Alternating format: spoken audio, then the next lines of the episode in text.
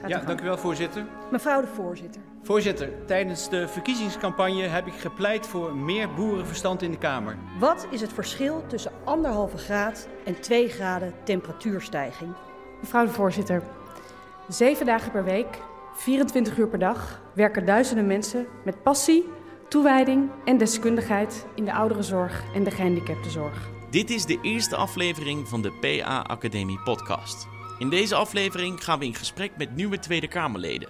Sophie Hermans van de VVD, Maurits van Martels van het CDA en Suzanne Kreuger van GroenLinks. Goedemorgen allemaal bij dit ontbijt. Mag ik u allen verzoeken om vooral even lekker een broodje te pakken en dan langzaam naar voren te komen? Want er staat zoveel lekkers op die tafel daarachter. Dus ondertussen doe ik een korte inleiding. Eh, van harte welkom bij dit ontbijt. Mijn naam is eh, Marielle van Oort. Ik ben eh, directeur van de PA-academie. Het is een kennisplatform voor belangenbehartigers eh, die actief zijn in Den Haag, lokaal, provinciaal, Europa. Wij proberen eigenlijk met elkaar Op 27 juni organiseerde de PA Academie in samenwerking met de organisatie Emma een kennismakingsontbijt. Tijdens dit ontbijt gingen nieuwe Tweede Kamerleden in gesprek met belangenbehartigers en andere mensen uit de wereld van public affairs. En dat het nodig is, is duidelijk. Al dus de directeur van de PA Academie, Marielle van Oort. Het belangrijke van het ontmoeten van nieuwe Kamerleden is eigenlijk dat je een beetje een beeld krijgt wat draagt, wat, wat drijft iemand, waar is hij mee bezig, welke onderwerpen hebben zijn hart, maar ook hoe zit hij een beetje in elkaar, wat voor soort persoon is het. En dat geeft je eigenlijk een heel goed uitgangspunt om daarna het gesprek misschien nog wel een stukje inhoudelijker te voeren. Grote stilte, hè? Ga lekker hier staan. Ga lekker hier staan. En nu mag, er mag gehield worden, hoor ik hier.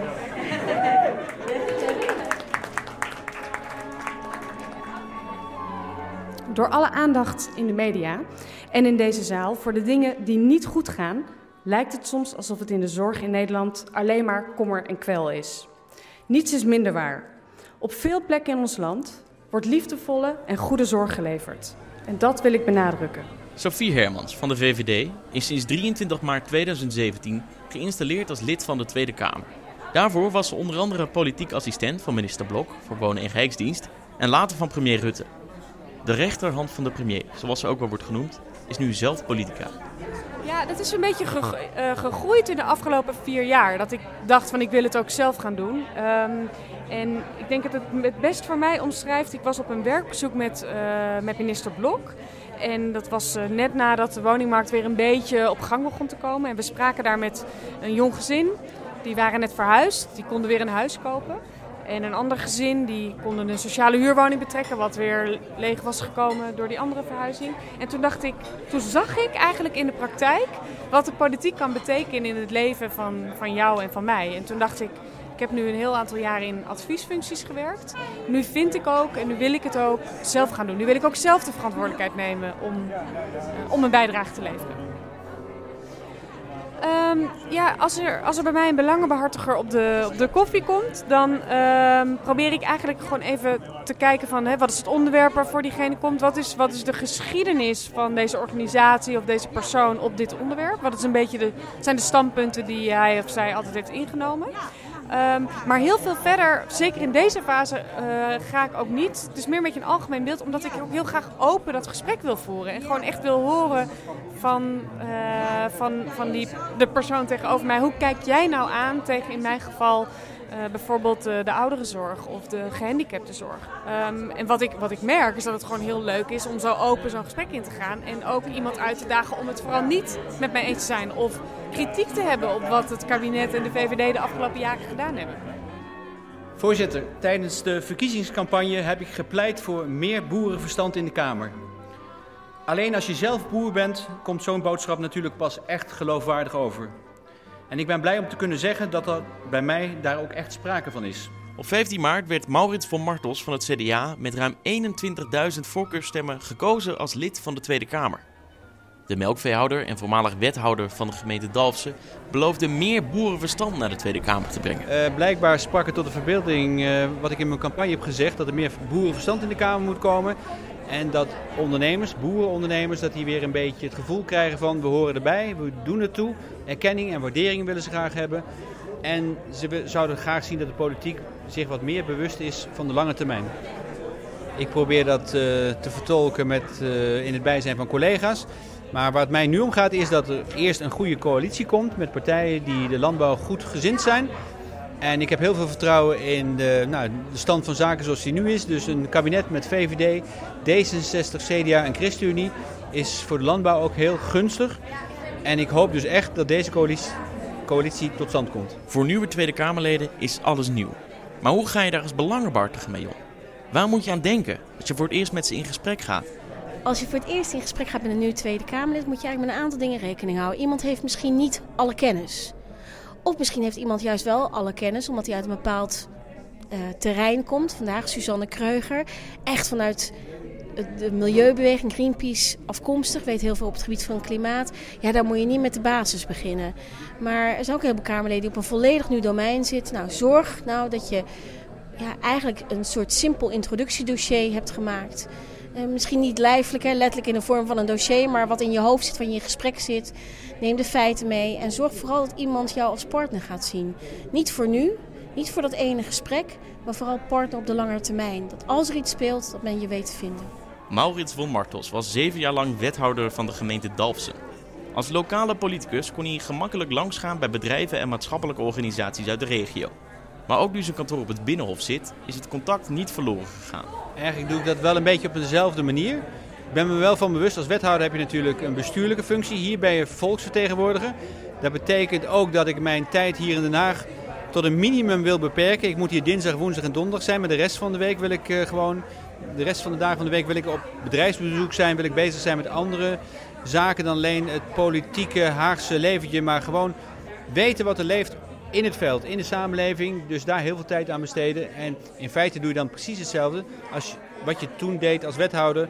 Op bezoek gaan bij mensen, mensen willen spreken, horen wat er leeft. Ik heb al vanaf het eerste uur gezegd toen ik wethouder werd in Dalsen...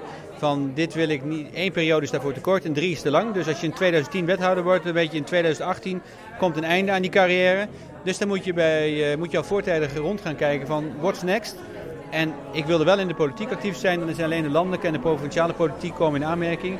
En ik heb gewoon gesolliciteerd naar de lijst voor op de landelijke lijst te komen. En dat is gelukt. Mevrouw de voorzitter, wat is het verschil tussen anderhalve graad en 2 graden temperatuurstijging? Marginaal lijkt het. Maar de klimaatimpact van die halve graad is enorm. Meer kans op extreem weer, minder drinkwater, meer ziektes, droogtes, en meer mensen wereldwijd op de vlucht. Een GroenLinkser zoals je die zou uittekenen. Zo wordt ze ook wel eens genoemd. Suzanne Kreuger wist met haar elfde plek op de kandidatenlijst een zetel te bemachtigen in de Tweede Kamer. Voortaan is ze woordvoerder klimaat en milieu, openbaar vervoer, luchtvaart en luchtkwaliteit, maar de afgelopen tien jaar woonde ze in Indonesië. Hier maakte ze de gevolgen van klimaatsverandering van dichtbij mee. Nou, ik heb de afgelopen tien jaar voor Greenpeace gewerkt uh, en daarvan een groot deel ook in Indonesië gezeten. Uh, en eigenlijk, ja, als je een afstand neemt van uh, het land waar je woont, dan, dan zie je soms dingen heel scherp. Hè? En nou, ik werkte daar op internationale klimaatvraagstukken, ontbossing, internationale handel. En ik kwam toen terug in Nederland en ik schrok eigenlijk van wat ik in Nederland aantrof. Uh, ik had altijd het beeld van Nederland als koplopersland op duurzaamheid, als echt groen innovatief. Uh, en ondertussen uh, ja, bungelen we onderaan de lijstjes in Europa qua klimaatbeleid. Dus dat was voor mij ook wel een motivatie om de politiek in te gaan. Dat terugkomen in Nederland en dan met een bepaalde scherpte zien van hé, hey, dat debat in Nederland rond klimaat, rond duurzaamheid, heeft echt meer pit nodig en ja, meer ambitie. Ik heb in Indonesië uh, veel gewerkt uh, op ontbossing. Uh, en ontbossing voor grootschalige palmolieplantages. En ook, ik zat er toen in 2015 hele grote bosbranden uitbraken. En dat is zo'n moment dat je ziet uh, wat klimaatverandering in praktijk doet. Hè? Die bossen die worden eigenlijk kwetsbaar door de klimaatverandering, door de veranderende weersomstandigheden. En je ziet dat bosbranden veel frequenter voorkomen. Dat zie je nu ook in Amerika, in Canada. En ja, dat is een toekomst waar we op afstevenen. En uh, dat, dat geeft mij weer een drive om juist met klimaatverandering uh, ambitieus aan de slag te gaan. Tja, klimaat. Een onderwerp dat op de formatietafel ligt. Maar ook vraagt om lange termijn beleid. Hoe ga je hiermee om als belangenbehartiger? Hoe maak je het concreet? Er zijn lange termijn onderwerpen zoals klimaat. En als belangenbehartiger zoek je naar een manier om samen met het Kamerlid het op de agenda te houden. Uh, maar vooral ook de deelstappen, de tussenstappen goed scherp te krijgen en met het Kamerlid te verkennen welke deelstappen er nodig zijn, welke tussenstappen er nodig zijn. Dus je probeert eigenlijk datgene wat op lange termijn is in kleine tussenstapjes op te delen en samen met het Kamerlid te partneren. Eh, te zoeken naar mogelijkheden om te blijven agenderen, eh, kleine stapjes vooruit te zetten eh, en eigenlijk de stip op de horizon heel scherp met elkaar te houden. En dat is een beetje hoe je daarmee omgaat klimaat, maar ook bijvoorbeeld circulaire economie. Dat zijn grote visies voor lange termijn. over hoe de economie eruit kan zien. Uh, maar ik denk dat het gevaar ook is van zowel ons klimaatbeleid als op circulaire economie. Dat er prachtige doelstellingen voor 2050 of 2030 worden geformuleerd. Dat gaat natuurlijk juist om die concrete maatregelen die we gewoon hier nu gaan nemen. En of dat dan gaat om de verduurzaming van uh, de gebouwde omgeving. Of het nou gaat om uh, het voor mensen makkelijker te maken om zelf duurzame energie op te wekken. Of het nou gaat om dat het voor bedrijven veel makkelijker moet zijn om grondstoffen te herwinnen. En dus niet uh, ja, eindeloos maar nieuwe grondstoffen te gebruiken, plastics te gebruiken die ook weer heel slecht zijn voor het klimaat. Uh, daar zitten hele concrete maatregelen in.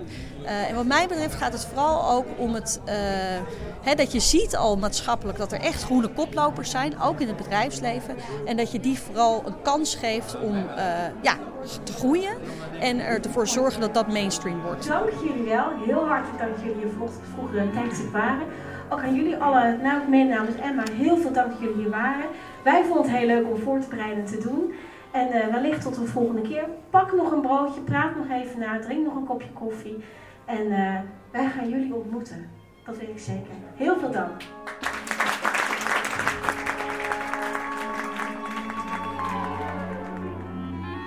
Tot zover, voorzitter. Dank u wel. Dank u wel. Dank u wel. Dank u wel eh. Dit was een podcast van de PA Academie. Voor meer informatie kun je terecht op www.pa-academie.nl.